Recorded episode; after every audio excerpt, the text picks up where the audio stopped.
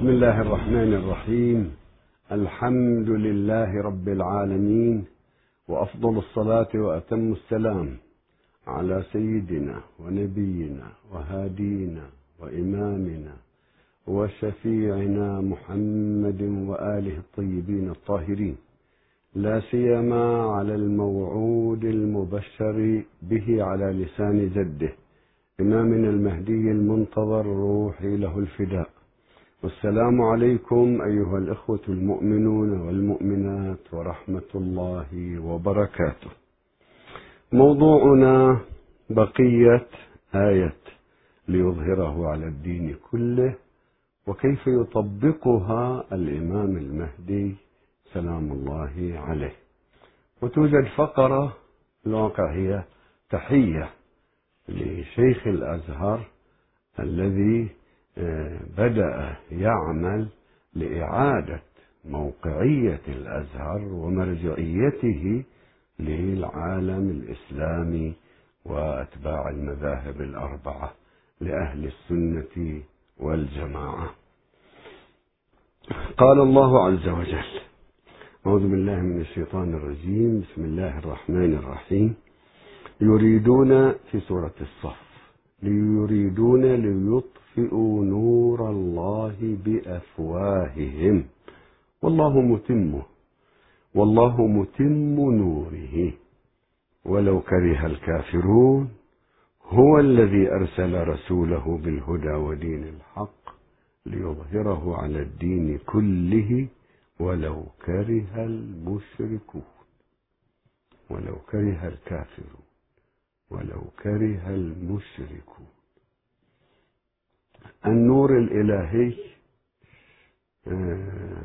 بحث وحده. هذا النور الإلهي إلى الآن ما اكتشفوا.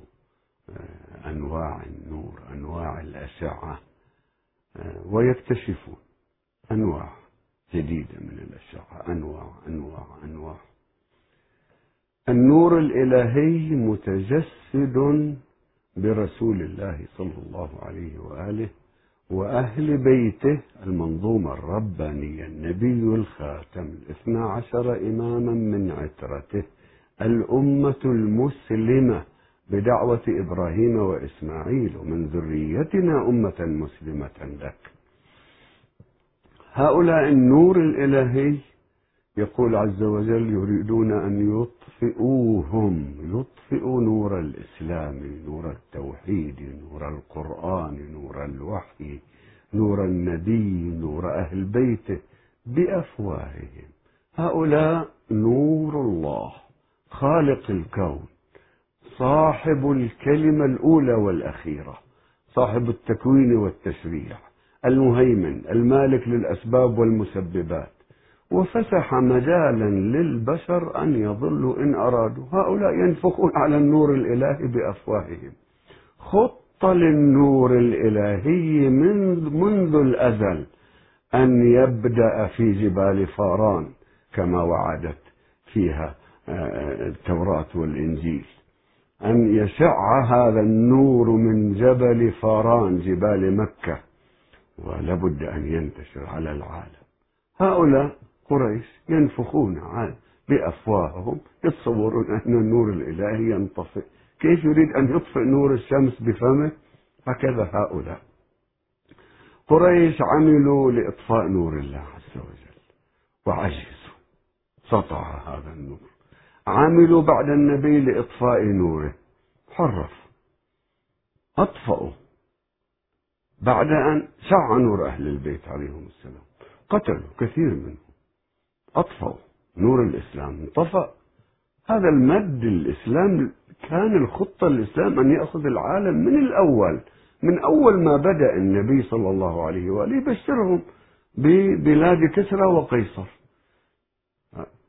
انحرفوا وقتلوا أئمتهم بقيت شمعة من هذا النور الإلهي. نور متأجج مصباح متأجج هو الإمام المهدي الموعود على لسان جده صلى الله عليه وآله. لن يطفأ وسيغلب الله على أمره. والله متم نوره متم نوره للمستقبل. يريدون ليطفئوا نور الله بأفواههم. كل ما يملكون كل وسائل البشر لإطفاء النور, النور الإلهي لا تزيد عن نفخة الفم. على نور متوقد. والله متم نوره عنده خطة. سوون خطة لا بأس يعطيكم. كلنا نمد هؤلاء وهؤلاء. فرعون يريد أن يقتل آه، من يكون هلاكه على يده لا بأس اقتل. اقتل من أولاد بني إسرائيل. لكن خطتنا أنت لازم تخدم فيها وأنت لازم تربيه والله غالب على أمره ولكن أكثر الناس لا يعلمون. والله متم نوره ولو كره الكافرون. هو الذي أرسل رسوله بالهدى ودين الحق ليظهره على الدين كله. ما أرسله لتطفئه قريش. ما أرسله حتى يكون خلاف بعد النبي صراع على السلطة ويجي واحد من بني تيم يحكم سنتين ونصف يجي واحد من بني عدي يحكم عشر سنوات وتستلم بني أمية ويحكمون بني العباس ثم الشراكسة ثم العثمانيين ثم تنتهي المسألة. ليس لهذا أبدا. خطته شيء آخر. ولا بد أن تغلب. خطته أنه بهؤلاء الأئمة الاثنى عشر الربانيين يؤسس يمنع من مزيد من الانحراف يدخر آخرهم إلى يوم آه، خط يوم الخطة. يوم الظهور يوم أن يظهر على يديه الدين على الدين كله والذي أرسل رسوله بالهدى ودين الحق ليظهره على الدين كله.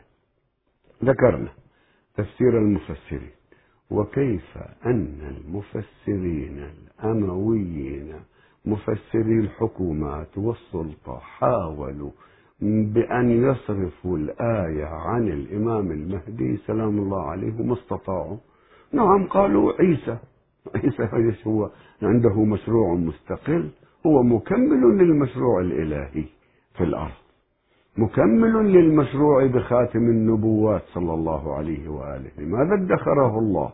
ادخره الله لأنه عندما يأتي وقت تعميم نور الوحي والإسلام على العالم يكون العالم بحاجة إليه يكون عباده عقبة ليعالج هذه العقبة.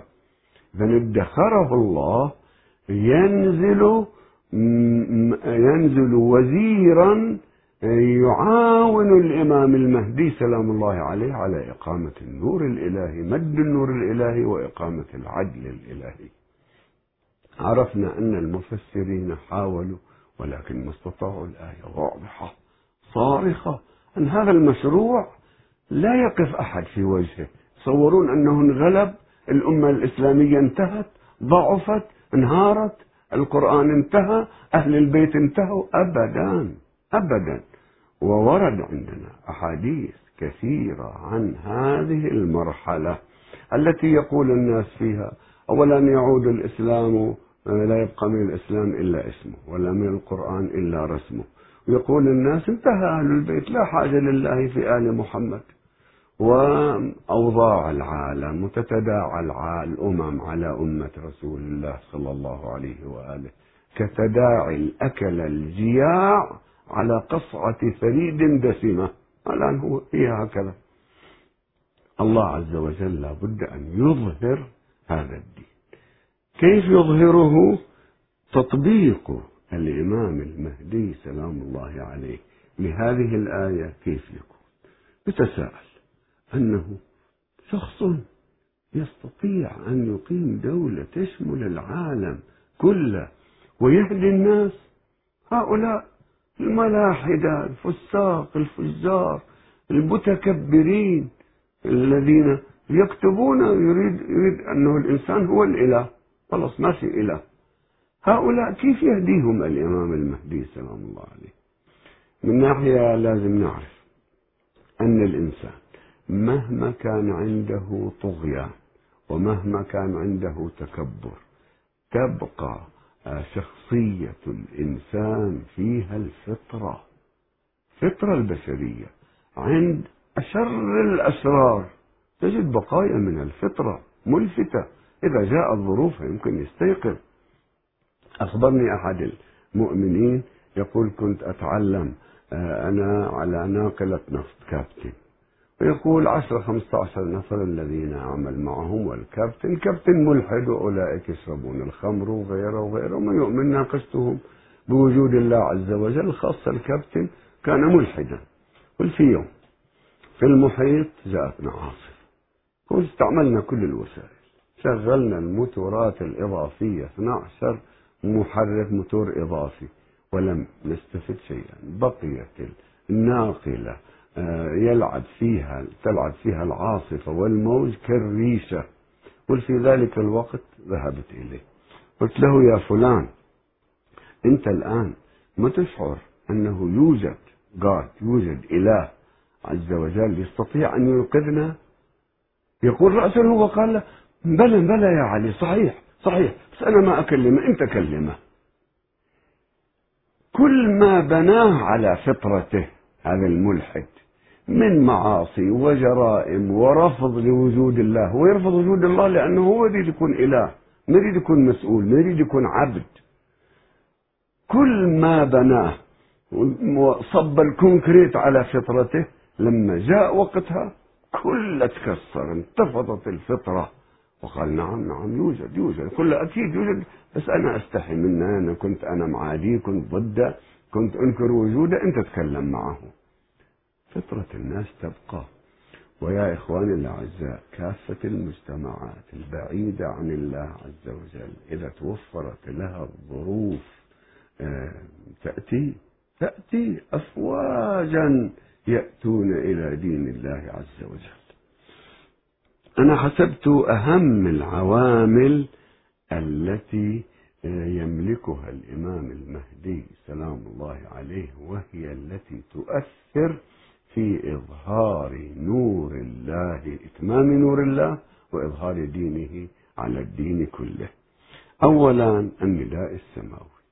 هذا مجمع عليه متفق عليه عند الجميع يسمعونه منطلقا من فوق الكعبة. نداء جبرائيل إلى أهل العالم بلغاتهم الآن بكم لغة؟ ثلاثة أربعة خمسة أكثر يسمعونه بكل لغات العالم الله يعلم يسمعونه بلغاتهم.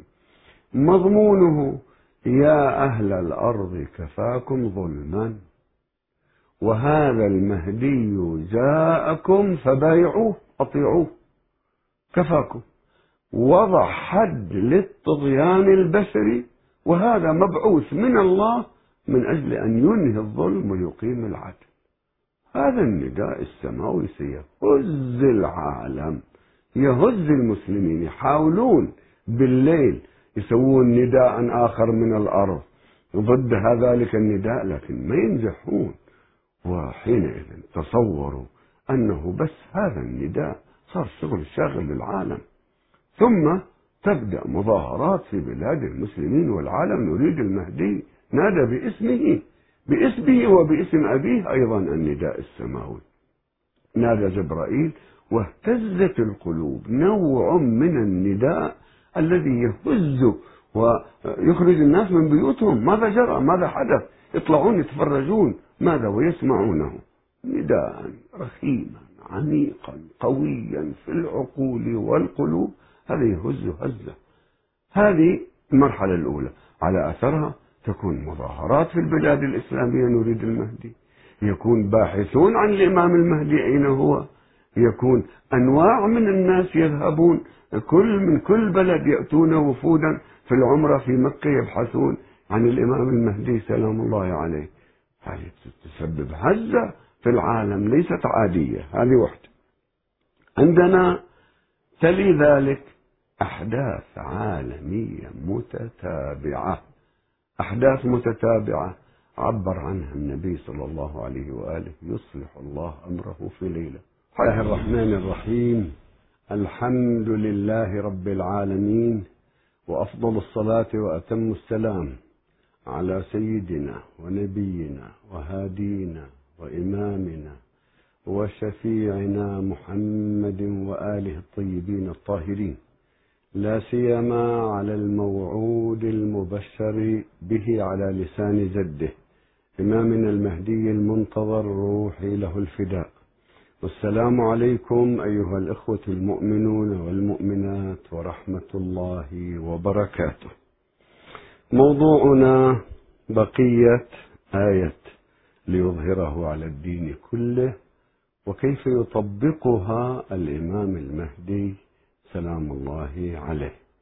وتوجد فقرة الواقع هي تحية لشيخ الأزهر الذي آه، بدأ يعمل لإعادة موقعية الأزهر ومرجعيته للعالم الإسلامي وأتباع المذاهب الأربعة لأهل السنة والجماعة. قال الله عز وجل أعوذ بالله من الشيطان الرجيم. بسم الله الرحمن الرحيم.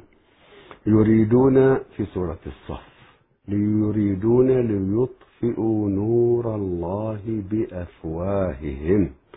والله متمه والله متم نوره. ولو كره الكافرون هو الذي أرسل رسوله بالهدى ودين الحق ليظهره على الدين كله. ولو كره المشركون ولو كره الكافرون ولو كره المشركون. النور الإلهي آه، بحث وحده. هذا النور الإلهي إلى الآن ما اكتشفوا آه، أنواع النور أنواع الأشعة آه، ويكتشفون أنواع. جديدة من الأشعة أنواع أنواع أنواع.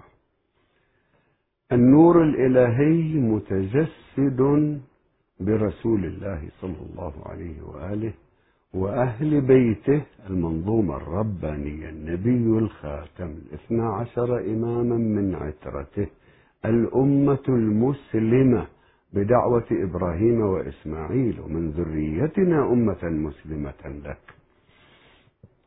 هؤلاء النور الإلهي يقول عز وجل يريدون أن يطفئوهم يطفئوا نور الإسلام نور التوحيد نور القرآن نور الوحي نور النبي نور أهل بيته بأفواههم. هؤلاء نور الله خالق الكون صاحب الكلمة الأولى والأخيرة صاحب التكوين والتشريع. المهيمن المالك للأسباب والمسببات. وفسح مجالا للبشر أن يضلوا إن أرادوا. هؤلاء ينفخون على النور الإلهي بأفواههم. خط للنور الإلهي من منذ الأزل أن يبدأ في جبال فاران كما وعدت فيها آه، آه، التوراة والإنجيل. أن يشع هذا النور من جبل فاران جبال مكة. ولابد أن ينتشر على العالم. هؤلاء قريش ينفخون بأفواههم يتصورون أن النور الإلهي ينطفئ كيف يريد أن يطفئ نور الشمس بفمه؟ هكذا هؤلاء. قريش عملوا لإطفاء نور الله عز وجل وعجزوا سطع هذا النور. عملوا بعد النبي لإطفاء نوره. حرفوا أطفأوا. بعد أن شع نور أهل البيت عليهم السلام. قتلوا كثير منهم. أطفأوا نور الإسلام. انطفأ هذا المد الإسلام كان الخطة الإسلام أن يأخذ العالم من الأول. من أول ما بدأ النبي صلى الله عليه وآله يبشرهم ببلاد كسرى وقيصر. انحرفوا وقتلوا أئمتهم. بقيت شمعة من هذا النور الإلهي. نور متأجج مصباح متأجج. هو الإمام المهدي الموعود على لسان جده صلى الله عليه وآله. لن يطفأ وسيغلب الله على أمره. والله متم نوره متم نوره للمستقبل. يريدون ليطفئوا نور الله بأفواههم. كل ما يملكون كل وسائل البشر لإطفاء النور, النور الإلهي لا تزيد عن نفخة الفم على نور متوقد. والله متم نوره عند خطة. سوون خطة لا بأس يعطيكم. كلنا نمد هؤلاء وهؤلاء. فرعون يريد أن يقتل آه، من يكون هلاكه على يده لا بأس اقتل. اقتل من أولاد بني إسرائيل. لكن خطتنا أنت لازم تخدم فيها وأنت لازم تربيه. والله غالب على أمره. ولكن أكثر الناس لا يعلمون. والله متم نوره ولو كره الكافرون. هو الذي أرسل رسوله بالهدى ودين الحق ليظهره على الدين كله. ما أرسله لتطفئه قريش. ما أرسله حتى يكون خلاف بعد النبي وصراع على السلطة ويجي واحد من بني تيم يحكم سنتين ونصف يجي واحد من بني عدي يحكم عشر سنوات وتستلم بني أمية ويحكمون بني العباس ثم الشراكسة ثم العثمانيين ثم تنتهي المسألة. ليس لهذا أبدا. خطته شيء آخر. ولا بد أن تغلب.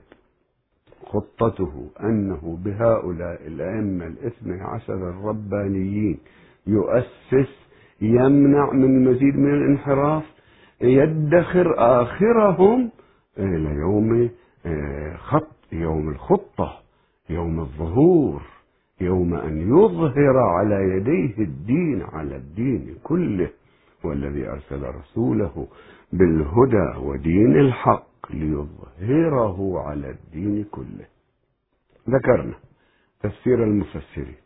وكيف أن المفسرين الأمويين مفسري الحكومات والسلطة حاولوا بأن يصرفوا الآية عن الإمام المهدي سلام الله عليه وما استطاعوا؟ نعم قالوا عيسى. عيسى هو عنده مشروع مستقل هو مكمل للمشروع الإلهي في الأرض. مكمل للمشروع بخاتم النبوات صلى الله عليه وآله. لماذا ادخره الله؟ ادخره الله لأنه عندما يأتي وقت تعميم نور آه، الوحي والإسلام على العالم يكون العالم بحاجة إليه يكون عباده عقبة ليعالج هذه العقبة. إذا ادخره الله ينزل ينزل وزيرا يعاون الإمام المهدي سلام الله عليه على إقامة النور الإلهي مد النور الإلهي وإقامة العدل الإلهي. عرفنا أن المفسرين حاولوا ولكن ما استطاعوا الآية واضحة صارخة أن هذا المشروع لا يقف أحد في وجهه. تصورون أنه انغلب الأمة الإسلامية انتهت ضعفت انهارت القرآن انتهى أهل البيت انتهوا أبدا. أبدا. وورد عندنا أحاديث كثيرة عن هذه المرحلة التي يقول الناس فيها أولا يعود الإسلام لا يبقى من الإسلام إلا اسمه ولا من القرآن إلا رسمه. ويقول الناس انتهى أهل البيت لا حاجة لله في آل محمد. وأوضاع العالم وتتداعى الأمم على أمة رسول الله صلى الله عليه وآله. كتداعي الأكل الجياع على قصعة فريد دسمة. الآن هو هي هكذا؟ الله عز وجل لابد أن يظهر هذا الدين. كيف يظهره؟ تطبيق الإمام المهدي سلام الله عليه لهذه الآية كيف يكون؟ يتساءل أنه شخص يستطيع أن يقيم دولة تشمل العالم كله ويهدي الناس. هؤلاء الملاحدة الفساق الفجار المتكبرين الذين يكتبون يريد, يريد أنه الإنسان هو الإله. خلاص ما في إله. هؤلاء كيف يهديهم الإمام المهدي سلام الله عليه؟ من ناحية لازم نعرف أن الإنسان مهما كان عنده طغيان ومهما كان عنده تكبر تبقى شخصية الإنسان فيها الفطرة فطرة البشرية عند أشر الأشرار تجد بقايا من الفطرة ملفتة إذا جاء الظروف يمكن يستيقظ. أخبرني أحد المؤمنين يقول كنت أتعلم آه، أنا على ناقلة نفط كابتن. ويقول عشر خمسة عشر نفر الذين أعمل معهم والكابتن كابتن ملحد وأولئك يشربون الخمر وغيره وغيره وما يؤمن ناقشتهم بوجود الله عز وجل خاصة الكابتن كان ملحدا. قل في يوم في المحيط جاءتنا عاصفة يقول استعملنا كل الوسائل. شغلنا الموتورات الإضافية 12 محرك موتور إضافي ولم نستفد شيئا. بقيت الناقلة. يلعب فيها تلعب فيها العاصفة والموج كالريشة قل في ذلك الوقت ذهبت إليه.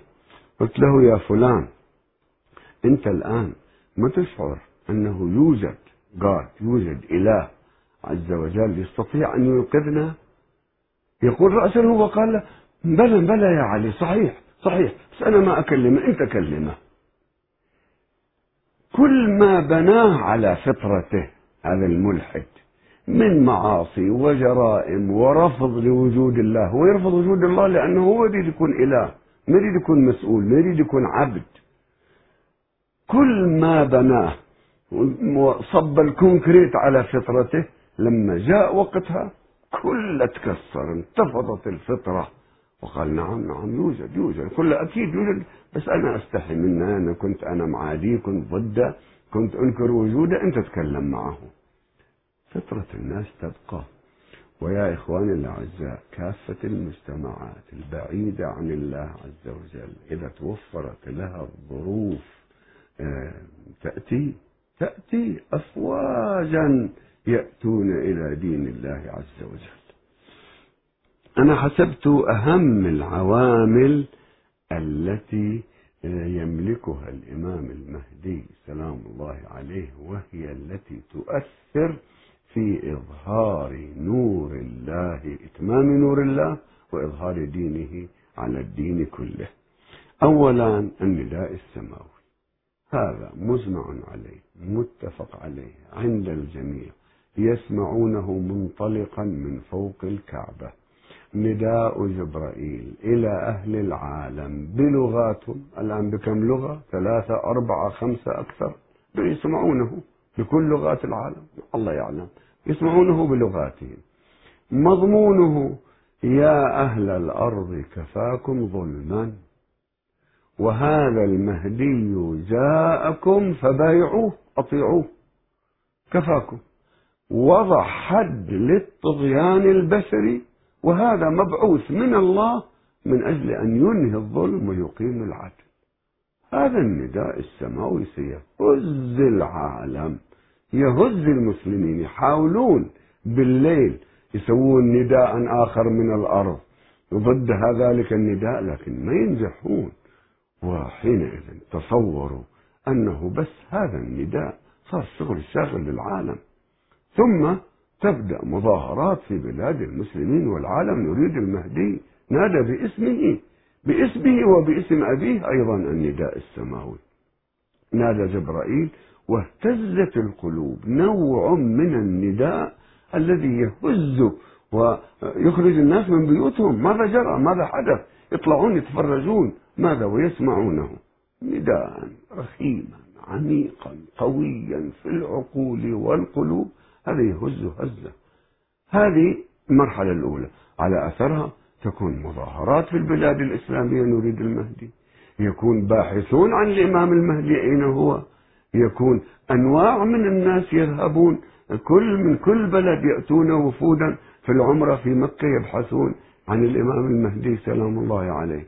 هذه تسبب هزة في العالم ليست عادية هذه واحدة عندنا تلي ذلك أحداث عالمية متتابعة. أحداث متتابعة عبر عنها النبي صلى الله عليه وآله يصلح الله أمره في ليلة. حدث أزمة مالية عالمية بورصة عالمية تداعيات لها. غرضنا أن ننشر التشيع في مصر. غرضنا أن هذا الغزو المجسم الوهابي هذا الاستلاب ادعاء أنهم أهل السنة والجماعة. وبالعصر يريدون يمشون مذهبهم حتى على أهل السنة والجماعة. يفتحون قنوات في مصر ويجيبون ليس معهم من المصريين إلا النطيحة والوقيذة وما وما عافه السبع والمتردية وما عاف السبع وما دب ومن لم يهب يجيبون من عمال عمال يشتغلون بالسعودية يطلعون منهم مشايخ يجيبوهم إلى قنواتهم. أو واحد ما إلى شغل يجيبونه هذا يتكلم بمنطقهم بكلامهم. لا يمثلون المصريين. المصريون يمثلهم شيخ الأزهر. الأزهر هو الذي يمثل العالم الإسلامي ونحن نريد للأزهر أن يستعيد مكانته المسلوبة وأن يكشف هؤلاء وأن والحمد لله أنه يلتقي معنا في رؤية الوهابية كاملا سواء في تجسيمهم في نصبهم. ويزيد على هذا هو يتكلم عن عمالتهم لأعداء الإسلام. نحن قلما نتكلم عن ذلك. إن شاء الله بعد الفاصل نواصل مقولات هذا الشيخ الشجاع الأصيل الذي يريد أن يعيد للأزهر مكانته في العالم الإسلامي برابطة للأزهريين ويفتتح ظلام الوهابية ومشايخهم أهل فقه البادية وشكرا. بسم الله الرحمن الرحيم. على طريقتهم الوهابيين لما جاء شيخ الأزهر آه طلع واحد شيخ وهابي اسمه أحمد ابن سعدان ابن حمدان الحمدان ابن سعد. أستاذ الدراسات العليا بقسم العقيدة بجامعة أم القرى. جاء استنكر كيف اعترف الأزهر بمذهب الشيعة؟ وقال أنه مذهب إسلامي يجوز تعبد المسلم يأخذ بأي فقه أراد فقه جعفر الصادق. فقه أبو حنيفة فقه المذهب الشيعي يستنكر قال يلا اسحب اعترافك. هؤلاء يتصورون لهم ولاية على كل الناس. هم يقولون ضد ولاية الفقيه لكن أي واحد منهم حتى زعطوط هو يرى له ولاية على كل الناس. يلا يا شيخ الأزهر اسحب اعترافك. ماذا أجابه؟ في أجاب في جريدة الوطن الكويتية قال هذه الدعوة مرفوضة. ولا يمكن لأحد أن يقبلها. إن السنة والشيعة هما جناحا الأمة الإسلامية. قل لي قص جناح كيف تطير الأمة؟ هذا فهم. هذا فهم. ذاك يقول له قص رأس ما يخالف لا تطير. وإنه عبر أربعة عشر قرنا هي عمر الإسلام. لم يحدث أن اقتتل السنة والشيعة. لافتا إلى أن ما يحدث بينهما الآن هو محاولة للنيل من المسلمين عبر سلاح التقاتل المذهبي. يعني يقول أنه السنة والشيعة من الأساس موجودين قبل ما تجون بعد ما تروحون وأنتم تثيرون الفتنة لأغراضكم. بعد التقريب بين المذاهب أحد اهتمامات الأزهر الشريف خلال الفترة المقبلة. يقول اختلافات بين الشيعة والسنة في الفروع فقط وليس في الأسس والثوابت التي يقوم عليها الدين. لا في الأصول في الأصول في الأصول. من قال أن الله لا حد له هذا كافر مجسم. إذا اختلاف بينكم وبين كل المسلمين بين كل المنزهة. يقول الأزهر لا يفرق بين السني والشيعي طالما أن الجميع يقر بالشهادتين. فذلك يأتي ضمن منهج الأزهر.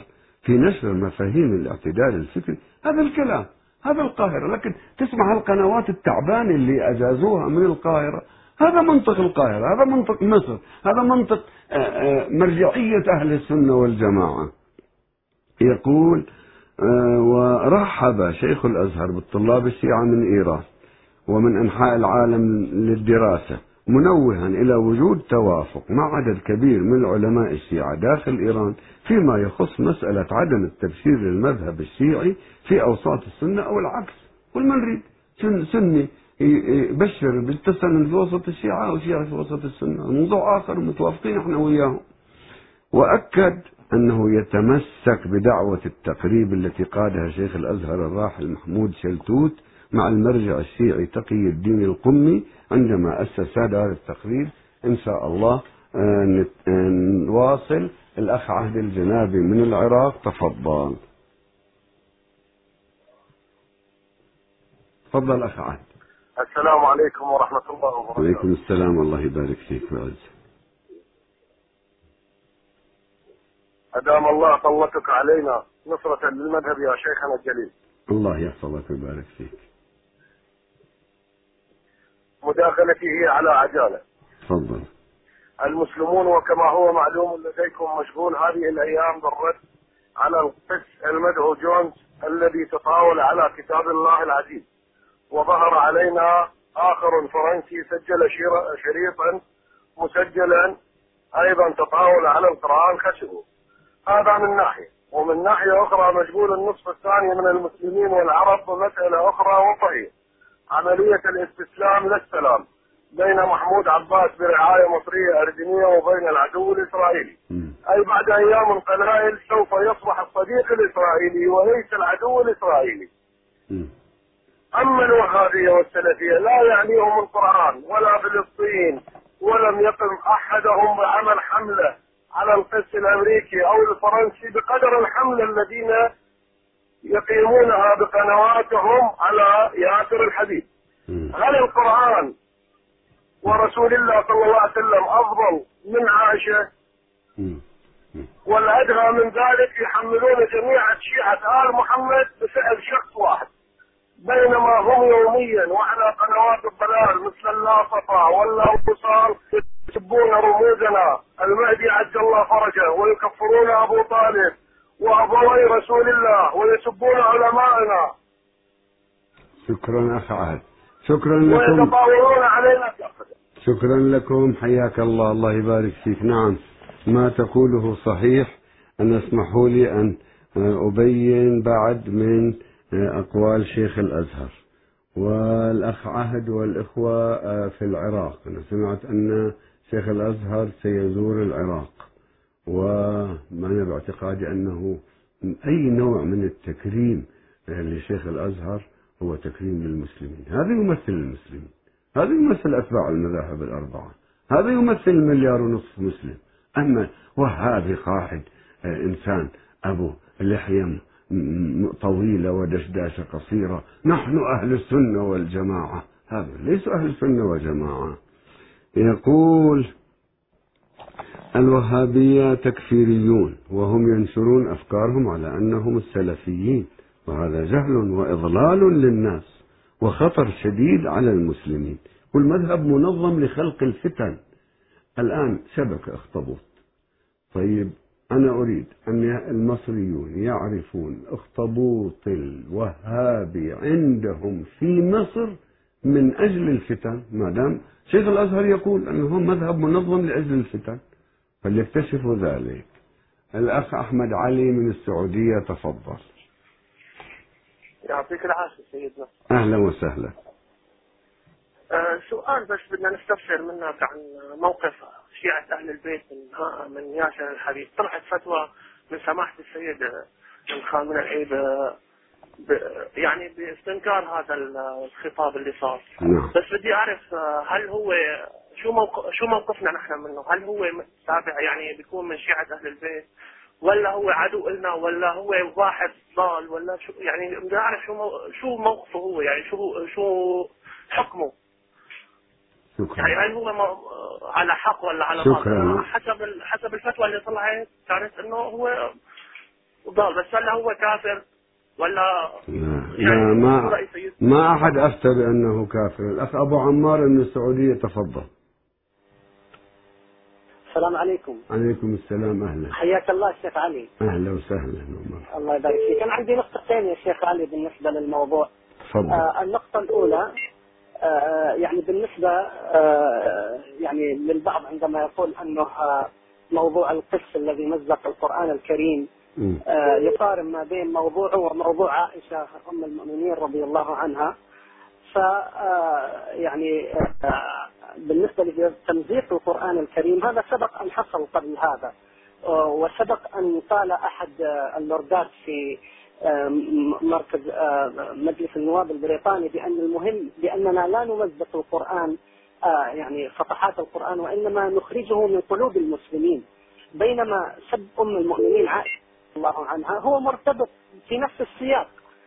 فسبها هو سب للرسول وسب للقرآن وللإسلام. أوف أوف أوف هذه النقطة الأولى وأريدك أن تعلق عليها. شكرا شكرا أبو عمار على مهلك.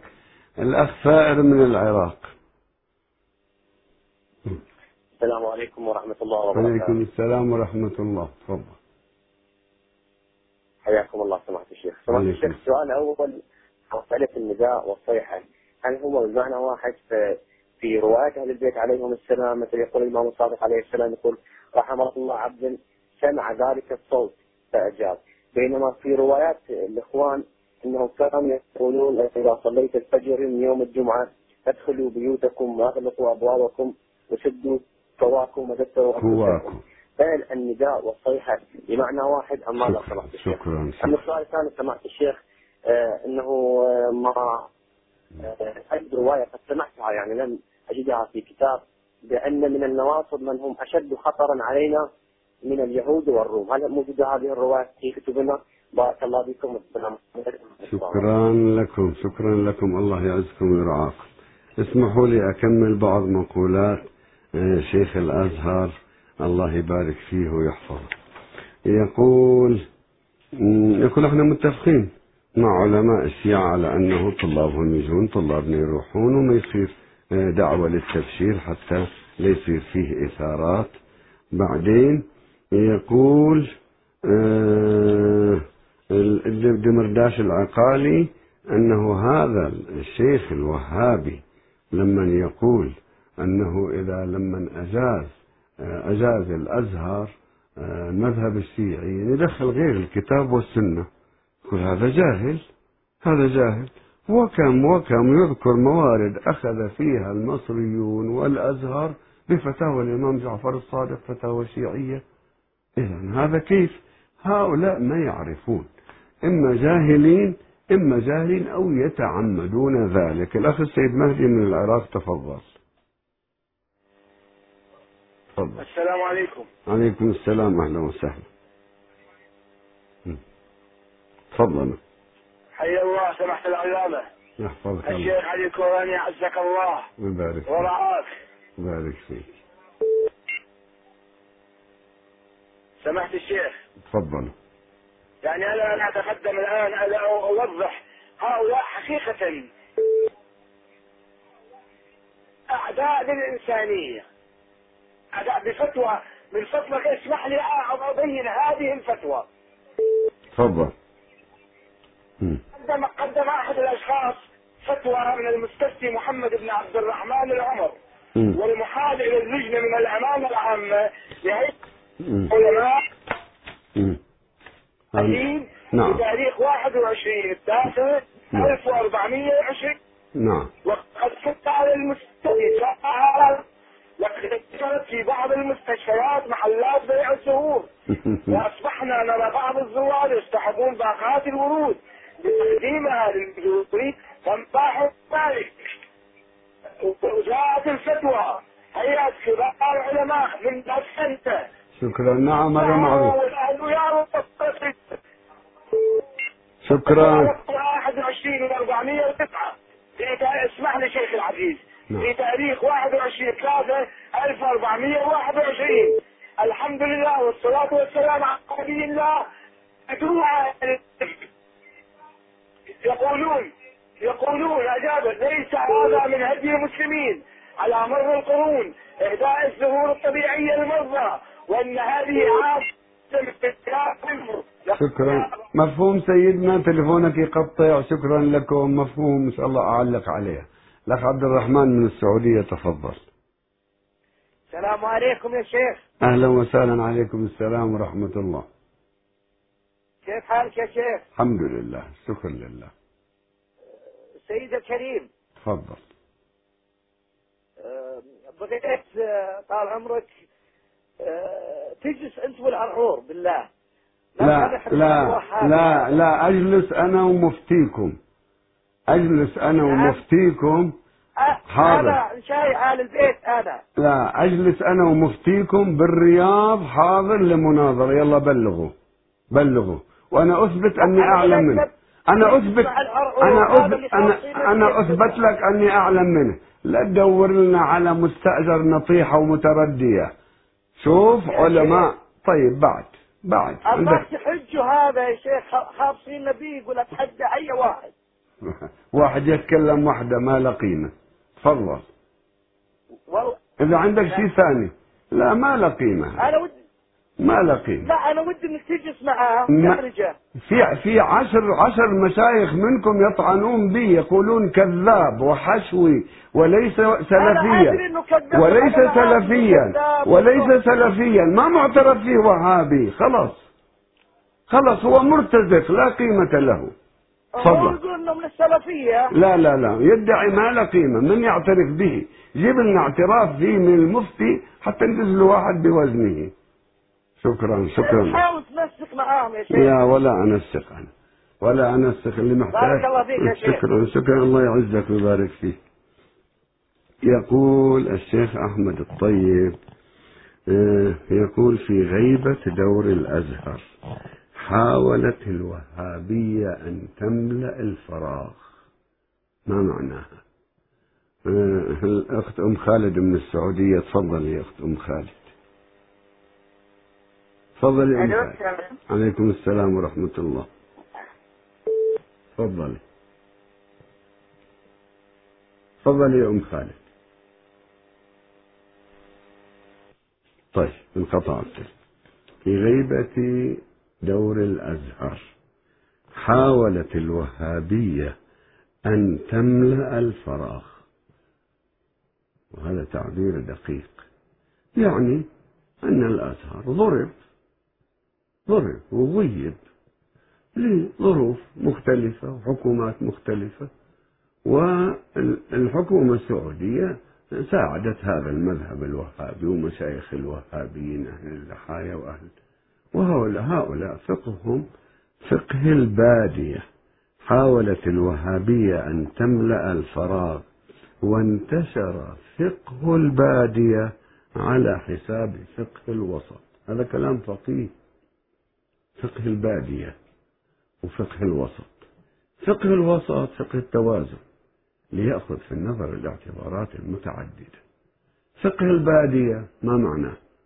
فقه البادية نقص في الفهم وخشونة خشونة وقمع هذا النمط.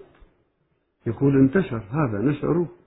الأزهر غايب قيادة الأمة الإسلامية غايبة هم جاءوا ليملأوا ويقول نحن أهل السنة والجماعة وهذا فقه السنة فقه أهل السنة. بعد.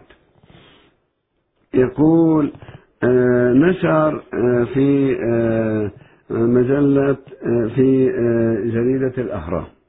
حاول شيخ من أكبر مشايخ الوهابية تويجري. هم بيت التويجري ما كان فيهم مشايخ لكن هذا صاير شيخ وهابي أكثر من الوهابية وملكي أكثر من الملك. هذا الشيخ أحمد الشيخ التويجري أراد أن يرد يرد على شيخ الأزهر. يقول إن فضيلة الشيخ الكريم ذكر ما سماه فقه البادية والوهابية مع الكنيسة الغربية الماركسية ليش حطنا ويا الشيوعيين طيب نحطكم قبل الشيوعيين فوقهم بدرجة. بعد. يقول آه، استغربت أن يصدر عن فضيلة الشيخ الأزهر ما ينال من دعوة إصلاحية تجديدية يعني دعوة محمد بن عبد الوهاب. كان لها ولا يزال فضل كبير في تصحيح المفاهيم وتنوير العقول ومحاربة البدع والشعوذة ومخالفة صحيح الدين. ورد عليه. رد عليه كتاب علماء مصريين وغسلوا لك التويجري غسل ويقولوا له أنه أنت أنتم ماذا صححتم؟ حركتكم حركة ابن عبد الوهاب ما هي؟ حركة عميلة ضد الخلافة العثمانية وهذا عميل إنجليزي وأشاروا إلى مستر همفر وإلى عمل ابن عبد الوهاب. وأنه أفتى علماء الأزهر في وقتها ضد علماء الخلافة العثمانية واضطرت الخلافة العثمانية ترسل الجيش المصري مرتين حتى يقضي على فساده ماذا تقول؟ فقه فقه بادية نعم فقه بادية وأقل من فقه البادية. فقه بادية ومرتبط بالأجانب أيضا. بعد في شيخ الأزهر أيضا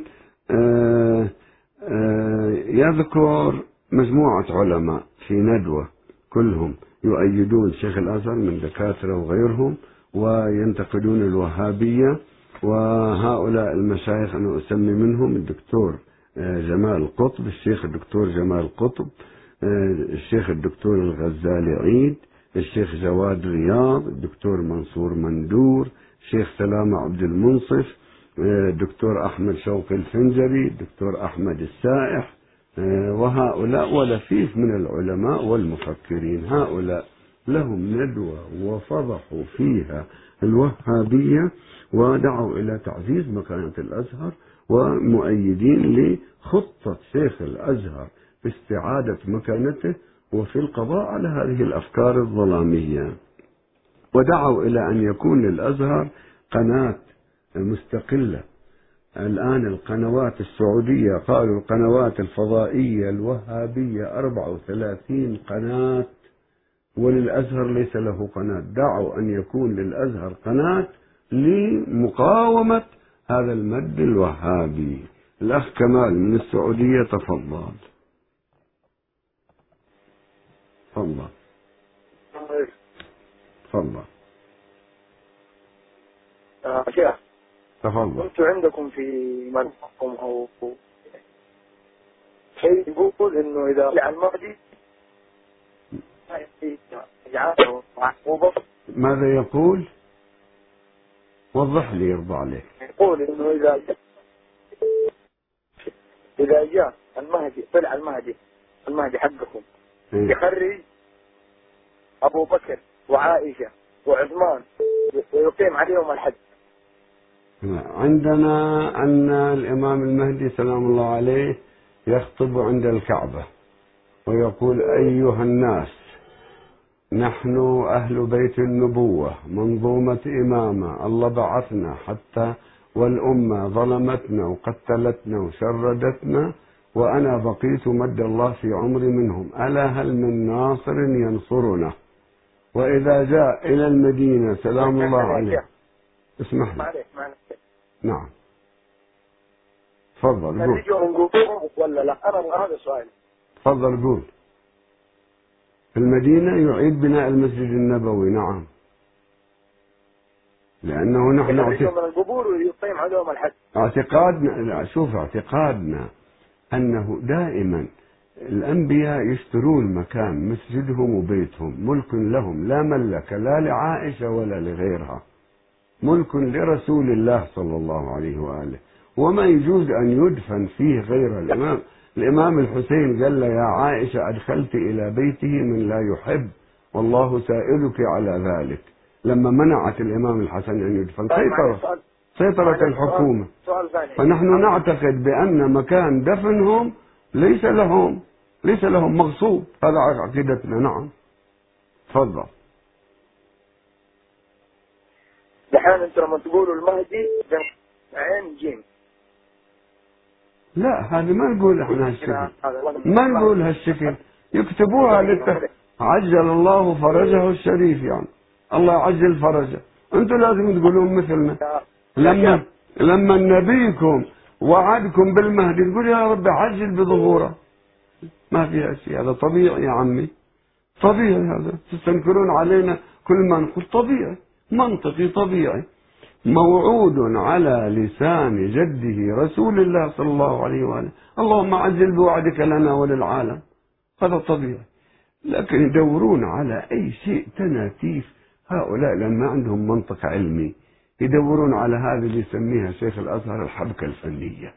على اللعب على التناتيف الحبكة الفنية ليش تقولون هكذا؟ ليش تعملون هكذا؟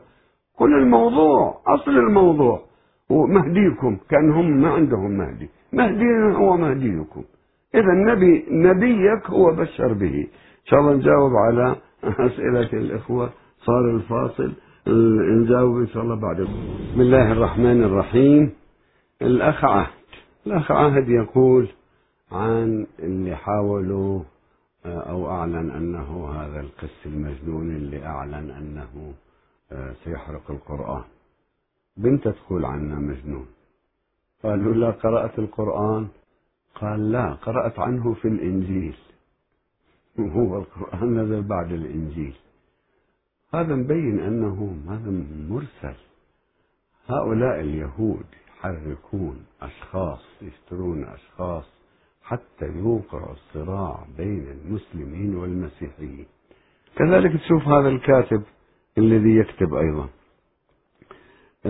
طبعا في ناس مهتمين بهذا ولازم يكون مهتمين به لكن ما نجعل شغلنا الشاغل يعني لعبة وانتهت. آه، ل- بماذا ينشغل الآن المسلمون؟ بماذا مشغولون؟ المسلمون مشغولون بأعمالهم والقضية اللي تأرقهم ليلا ونهارا هو المؤامرة الإسرائيلية الأمريكية لتصفية قضية فلسطين وإخضاع فلسطيني الداخل وإنكار حق فلسطيني الخارج وتأخذ توقيع من الدول العربية. هذه قضية مهمة وغير عادية. ويقول الأخ عهد أن الوهابيين ما مهتمين فيها. متى كانوا مهتمين؟ هم عندهم فتوى يجب على المسلمين فلسطين أن يهاجروا. يعني التسفير. هذا التسفير اللي يتبناه بعض المتطرفين اليهود فتوى عندهم. هم يهود الخارج كيهود الداخل. ويكذبون لما يقولون أنه نحن نعطف. نعم. آه، ولماذا يهتمون بقضية عائشة؟ عائشة قبل سنين هذا نفس كلامه. هذا ياسر الحبيب قال قبل سنوات. لماذا ما اهتموا به؟ الآن اهتموا جديد. بالواقع هم يدورون عن أي شيء يرفعونه علما ضد الشيعة حتى يشغلوا الشيعة. الآن الشيعة ليشتغلوا ويحبطوا هذه المفاوضات ال- التي تريدها السلطة الفلسطينية. آه، لا حتى لا يقف الشيعة لا يكونوا أقوياء. حتى في حربهم مع إسرائيل لا يكونون أقوياء. يريدون يشغلون فتن طائفية داخلية بلبنان يحاولون أنه يشغلون شيعة وسنة ببعضهم. في العالم الإسلامي كذلك وعائشته وعائشته. هذه القضية هؤلاء لا مخلصين لا عائشة ولا غيرها. هم أتباع محمد ابن عبد الوهاب تلميذ المستر همفر واللي يقول له هو متعه زوجه امرأة في البصرة اسمها صفية يهودية وكانت تشرب الخمر أيضا يشرب معها الخمر. هؤلاء هم هم صنيعة هؤلاء صنيعة الإنجليز. إمامهم صنيع الإنجليز ماذا تقول فيهم هم؟ ولذلك يا أخي لما ترى تناغم بين سياسة الوهابيين والإنجليز ما تتعجب من ذلك. الأخ أحمد يسأل عن موقفنا نحن. آه، أولا نقول أنه آه، آه، ما صدر من بعض الشيعة في لندن. هؤلاء هم الذين كبروا. وإلا كان مسكوت عنه. ما حد يعرف. إحنا ما عندنا خبر فيه. آخرين ما عندهم خبر فيه. هم طنطنوا فيه. طيب هذا متطرف شيعي صدرت بيانات الشيعة بالعشرات لمناطق مختلفة. من علمائهم كبارا وصغارا. من أنواع الناس صدرت بيانات. تقول أن هذا غم عمل غير صحيح. ونحن ما نقبل بالكلام على عرض النبي صلى الله عليه وآله وأن الله برأ زوجات الأنبياء. من الزنا من أجل الأنبياء. يمكن بعضهم تعبان لكن من أجل الأنبياء محفوظ.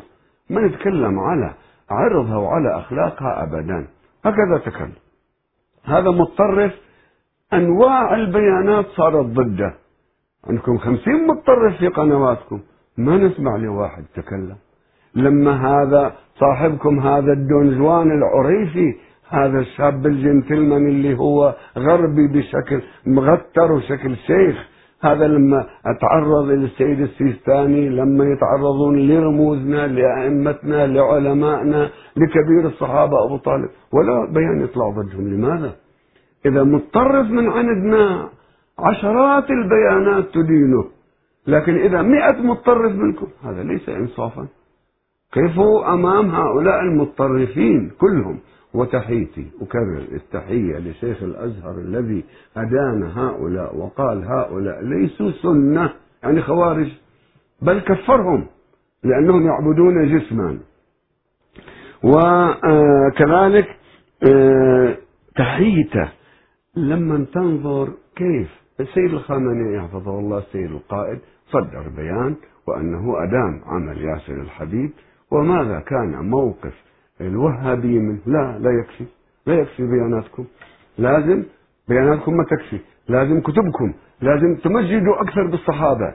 لازم تتبرعوا من علمائكم لازم تحرقوا كتبكم. لازم تحرقوا مناطقكم. مجانين. مجانين أنتم. مجانين. الشيعة قبلكم وتروحون والشيعة يبقون بعدكم. وجهة نظر عندهم. موقفهم هذا هؤلاء المتنطعة ليرون لهم ولاية على تكبر! إن في صدورهم إلا كبر ما هم ببالغيه والله هم في محيط يختنقون خنقا. من أروع ما رأيت في قناة من قنواتهم حبل المسلقة على الوهابية بالسعودية والمحيط الشيعي حوثيين من اليمن شيعة من العراق إيران البحرين القطيف يضيقون حبل المسلقة أنتم وين تعيشون؟ في بحر في بحر شيعي. حتى أن بعض ال ال ال الكتاب الأمريكيين قال الخليج الشيعي هذا. الخليج الشيعي. ليش مختلفين عليه هذا الخليج الشيعي؟ هؤلاء إن في صدورهم إلا كبر ما هم ببالغيه يريدون يأمرون كل العالم والعالم الإسلامي يلا أطيعوا بينما نجد شيخ الأزهر لما تكلم عن يقول الفتوى الكريمة أصدرها المرشد الأعلى لإيران الإمام الخامنئي قضت بتحريم الإساءة للصحابة المساس بأمهات المؤمنين. وبعدين من موقع إنني من موقع العلم ومن واقع المسؤولية الشرعية أقرر أن السعي لوحدة المسلمين فرض. وبعدين يشيد أنه هذا إحساس بالمسؤولية ولما تصدر هذه الفتوى ونشكر. هذا الشيء المنطقي. هذا منطقي. لكن هؤلاء هؤلاء هم إن في صدورهم إلا كبر ما هم ببالغيه الأخ آه الأخ أبو عمار آه يقول آه أنه هل صار آه سب عائشة آه أكثر من قضية فلسطين وأكبر من آه سب القرآن؟ لا أنتم تاخذوا موقف بسب عائشة تاخذوا موقف لا بأس. لكن ليش ما تنشغلون به؟ تنشغلوا حملات وغيره وغيره ولا شغل لهم غيره. في الواقع ليس بعائشة. شغلهم ضد الشيعة. نقول لهم طيب سب عائشة سب الله. هذه فتوى مراجعكم أن من يسب الله ويتوب خلاص يتوب الله عليه. إذا اطلبوا من ياسر حبيب أن يتوب ينتهي الأمر. هؤلاء هم أهل هرجة على تعبير شيخ الأزهر أصحاب حبكة فنية أصحاب لعب على الألفاظ ليسوا أصحاب منطق علمي أبدا. إذا يا أخي الكريم لا بعد يقولون التشكيك في عائشة تشكيك في النبي. من يقول؟ أن الله اختارها له. الله اختار زوجة نوح له. وزوجة لوط. وقال وخانتاهما. وقيل ادخلا النار. هذه مقولة أن الله يختار صحابة الأنبياء مقولة أموية جبرية. مثل ما يقول اختار معاوية للخلافة خلاص صار هو شرعي إذا غلبة. هذه الجبرية والغلبة. آه النبي يفتح يدعو واللي يجي يطلع واحد من أصحابه زين واحد مو زين. إذا نبي الله عيسى الله اختار له يهوذا الأسخريوطي اللي خان فيه. هذا كلام أموي. ما يقبله أحد. الصحابة الله اختارهم بعدين يقولون الدين وصلنا عن الصحابة. كم وصلوا لكم؟ كم وصلوا لكم الدين؟ دينكم أنتم تأخذون عن هؤلاء؟ كم حديث فيه؟ حديث عائشة؟ أكثر شخصية. أحاديث شخصية. ومشكلة فيها أحاديث جنسية كثيرة أيضا. كم حديث هؤلاء؟ أبو بكر وعمر وعثمان وعائشة وحفصة هؤلاء. ومعاوية بالله عليكم من الدين كم حديث وصلوا لكم؟ إذا هؤلاء الطعن فيهم طعن في الإسلام. لا الإسلام وصلنا عن طريق أهل البيت. ما أخذنا نحن بحديث عائشة والحمد لله كل الإسلام. والإسلام كان قبل هؤلاء ويبقى بعد هؤلاء. لا تخافوا على الإسلام هذا كلام فارغ. يحاولون يربطون أنه تبليغ الإسلام بالصحابة. السب فيهم طعن فيهم طعن بالنبي. ما ما هالكلام هذا كلام ما له قيمة. لا قيمة له علمية. يطعن في أصحابه يطعن فيه لا. ليس معنى هكذا.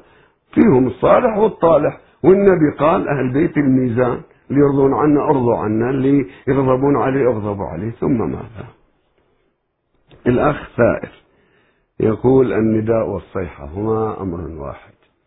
ويا أخي الكريم أحاديث الصيحة لما تقرأ فيها ما رواه آه نعيم ابن حماد واللي هو من أئمتهم وقديم ما رواه نعيم تجد العجب. موضوعات كثيرة في الصيحة والنداء السماوي. والصيحة هي النداء واحد ولا فرق بينهما. وأما الحديث أن النواصب أشد علينا من الروم هذا نعم نعتقد به وقاله الإمام الصادق سلام الله عليه. قال الروم خير لنا من بني أمية. آه، الروم غربيين كفار مسيحيين أحسن لنا من النواصب الآن نحن نقول الغربيون خير لنا من الوهابية. لماذا؟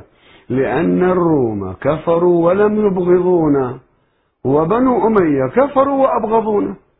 إذا كفر وبغض. هؤلاء كفرهم مقنن ظاهرهم الإسلام. نقول المسلمين كفرهم بطل. أما شيخ الأزهر يفتي بكفر. من يجسد الله عز وجل؟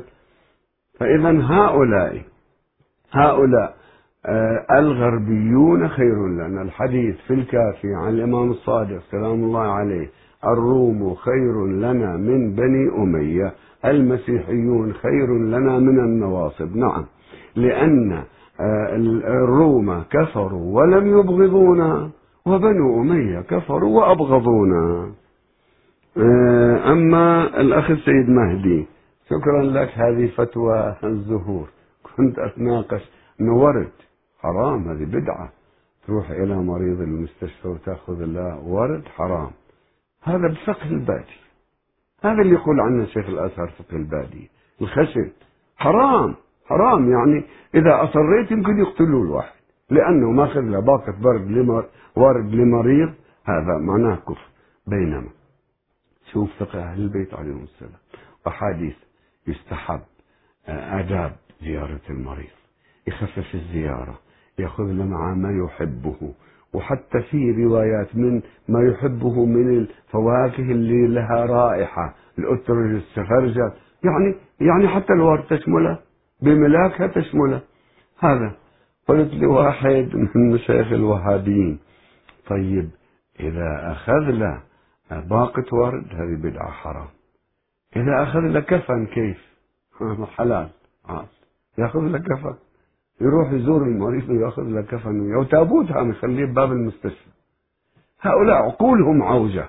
مثل إذا ذهبت إلى مقبرة على القبر. تقرأ قرآن بدعة. حرام. حرام. طيب. تقرأ كتاب ألف ليلة وليلة. حلال. عقولهم عوجاء. هؤلاء. ماذا نصنع لهم؟ هذا فقه البادية ليقول عنا شيخ الأزهر حفظه الله. الأخ عبد الرحمن يقول لي عن فلان وفلان. يا أخي الكريم. هؤلاء صار لهم سنين بنين يشيعون يقولون أن الشيعة يهربون من المناظرة وهم كذبة فجرة. الهاربون هم يستأجرون إمعات من غير الوهابية مستظلمين مستعتمين يصبغوهم بصبغ وهابي ويقولون تعالوا ناظروا هؤلاء لأنهم يختارون من وما واحد. شتام مدلس كالح ما يستحي الآن عندهم مجموعة في قنواتهم ملقطينهم لقطاء من بلاد مختلفة. قل هؤلاء ما نريدهم تعالوا أنتم. أنتم ليش؟ هيئة كبار العلماء. طلع مفتيهم وطلع بعضهم بمناسبة عائشة. طيب أهلا وسهلا. ما دام أنتم تفضلوا ناظروا. نقول لهم دعا مراجعنا إلى المناظرة. دعونا دعا علماء الشيعة للمناظرة نحن حاضرون أن نتناظر معكم. عينوا أشخاص سعودي وهابي من هيئة كبار مشايخكم. وهم كبار المشايخ شو يعني؟ يعني يعني أكثرهم حافي كبار مشايخهم هؤلاء أربع سنين ويرجع من صغار المشايخ. يتعين واحد. عينوا أشخاص لهم وزن علمي عين مقابلهم من له وزن علمي متكافئ معهم. ونكتب اتفاقية مناظرة واضحة ويشهد عليها أزهري. هكذا نريد. فإذا ما استجابوا معناه هم يخافون وينهزمون هؤلاء. طيب. عندنا آه، عن الإمام المهدي صلوات الله وسلامه عليه بعض المفردات التي مرت آه، هذه آه، لا بأس أن نوضحها. آه، مما عندي فصل في معجم أحاديث الإمام المهدي سلام الله عليه فصل معالم دولة العدل الإلهي على يد الإمام سلام الله عليه. وما هي خصائصها على حسب ما دلت الروايات. الأخ أبو السجاد من العراق تفضل. تفضل أخ أبو السجاد. تفضل. كيف حالكم؟ الله يحفظك ويعزك الحمد لله. آه، مولاي العفو يعني أنا أعتبر كل القصور فينا يعني نحن يعني يعني مشايخنا حشاكم أنتم من القصور لأنه ما موجود في كتبهم. كيف؟ شو سبب القصور؟ تفضل. أبو سجاد ما سمعنا. آه يا أخي الكريم نعم هناك تقصير وهناك قصور.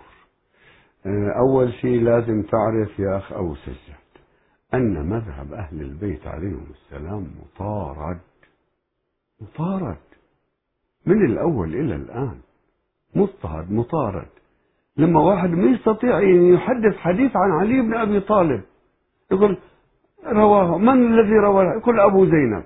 يسألوه يسألون سعيد بن المسيب من أين المهدي؟ قال من قريش. خبرنا منين؟ يخاف يقول أن المهدي من بني هاشم من أولاد فاطمة. يخافون. يخاف يجيب اسم أهل البيت عليهم السلام.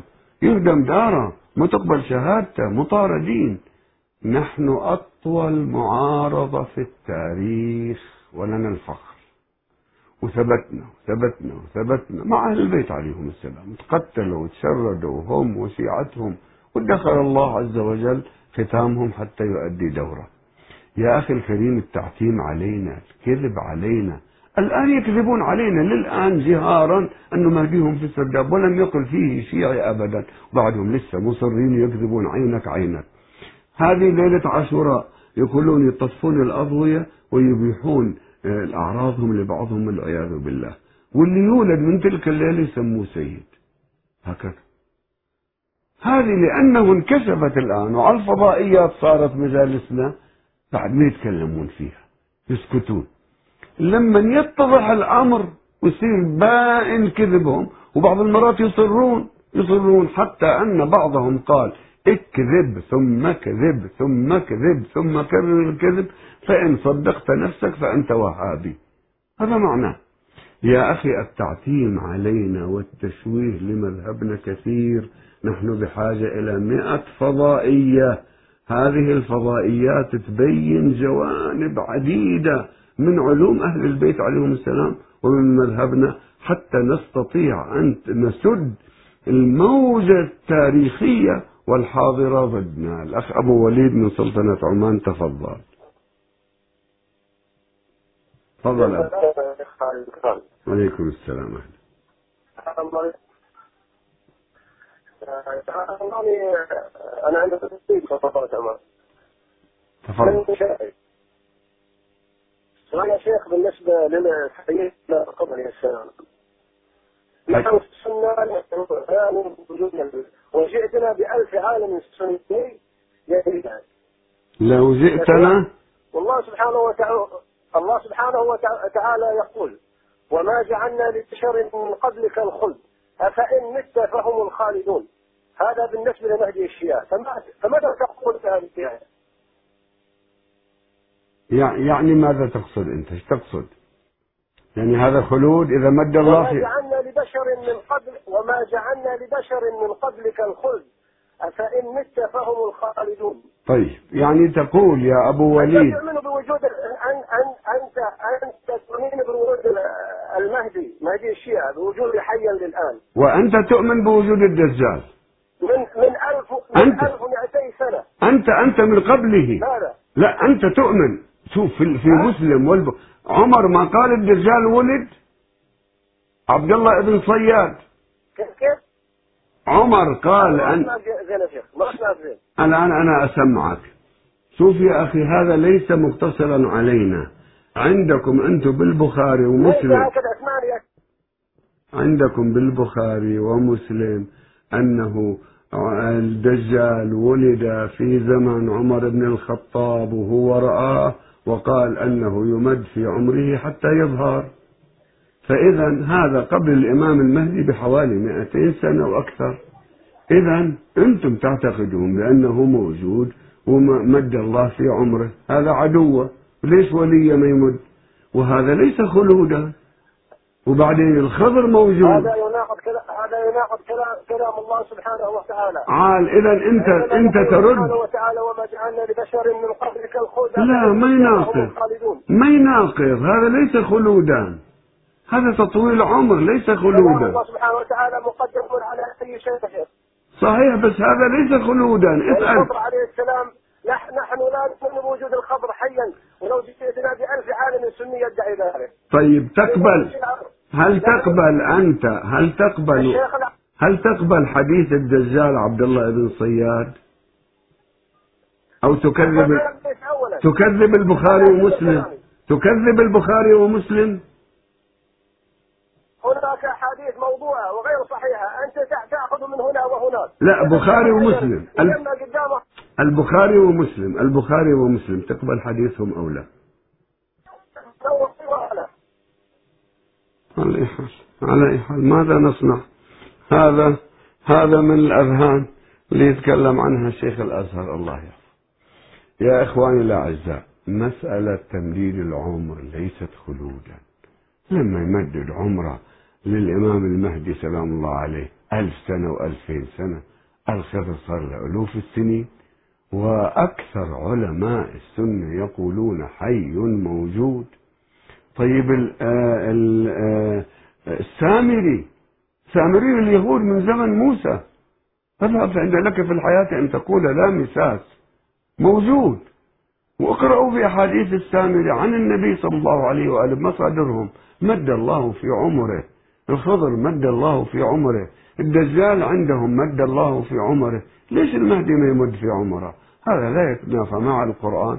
إذا دل الدليل على أن الله عز وجل مد في عمر شخص سواء كان وليا أو عدوا نعم، نقبل هذا النص.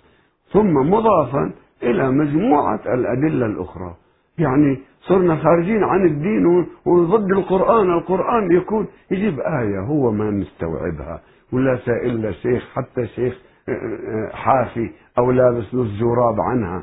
ما سائل أحد ورد حاجنا فيها. على أي حال الإمام المهدي روح له الفداء. حي مد الله في عمره واللي يشكون لما يظهر يسألونه. وعلينا كلنا أن نبشر أمة جده جده به سواء منا من يعتقد بأنه ولد ومد الله في عمره أو يشك أو متوقف في ذلك أو يقول إنه سيولد. على كل المسلمين أن يزرعوا في الأمة الأمل ويقولوا لهم المستقبل لكم والمهدي آتي والدين لابد أن يظهره الله على الدين كله. لما تعطي الأمل لهؤلاء تعطي الأمل لمثل السلطة الفلسطينية أن المستقبل لكم وليس لأولئك أولئك سيهزمون أولئك سيرحلون من هذه المنطقة. أعطوا الأمل لأمتكم الإسلامية كما أعطاكم الله بأنه وعد قطعي أنه يعم العدل الإلهي والنور الإلهي ويظهر الله دينه على الدين كله وعد غير مكذوب. الذين يعيشون الأمل بأن أمة تسير للقاء قائدها روحيتها سياستها دولها وضعها تختلف عن وضع أمتنا الموجودة اليوم. لو أن الدول الإسلامية تتبنى البشارة بالإمام المهدي صلوات الله عليه بحتمية انتصار الإسلام بمستقبله وظهوره على الدين كله لاختلف الوضع. اللهم عجل لنا وعدك وفرجك بموعودك الإمام المهدي صلوات الله وسلامه عليه واملأ به الأرض قسطا وعدلا كما ملئت ظلما وجورا واجعلنا من أعوانه وأنصاره ومقوية سلطانه والسلام عليكم ورحمة الله وبركاته.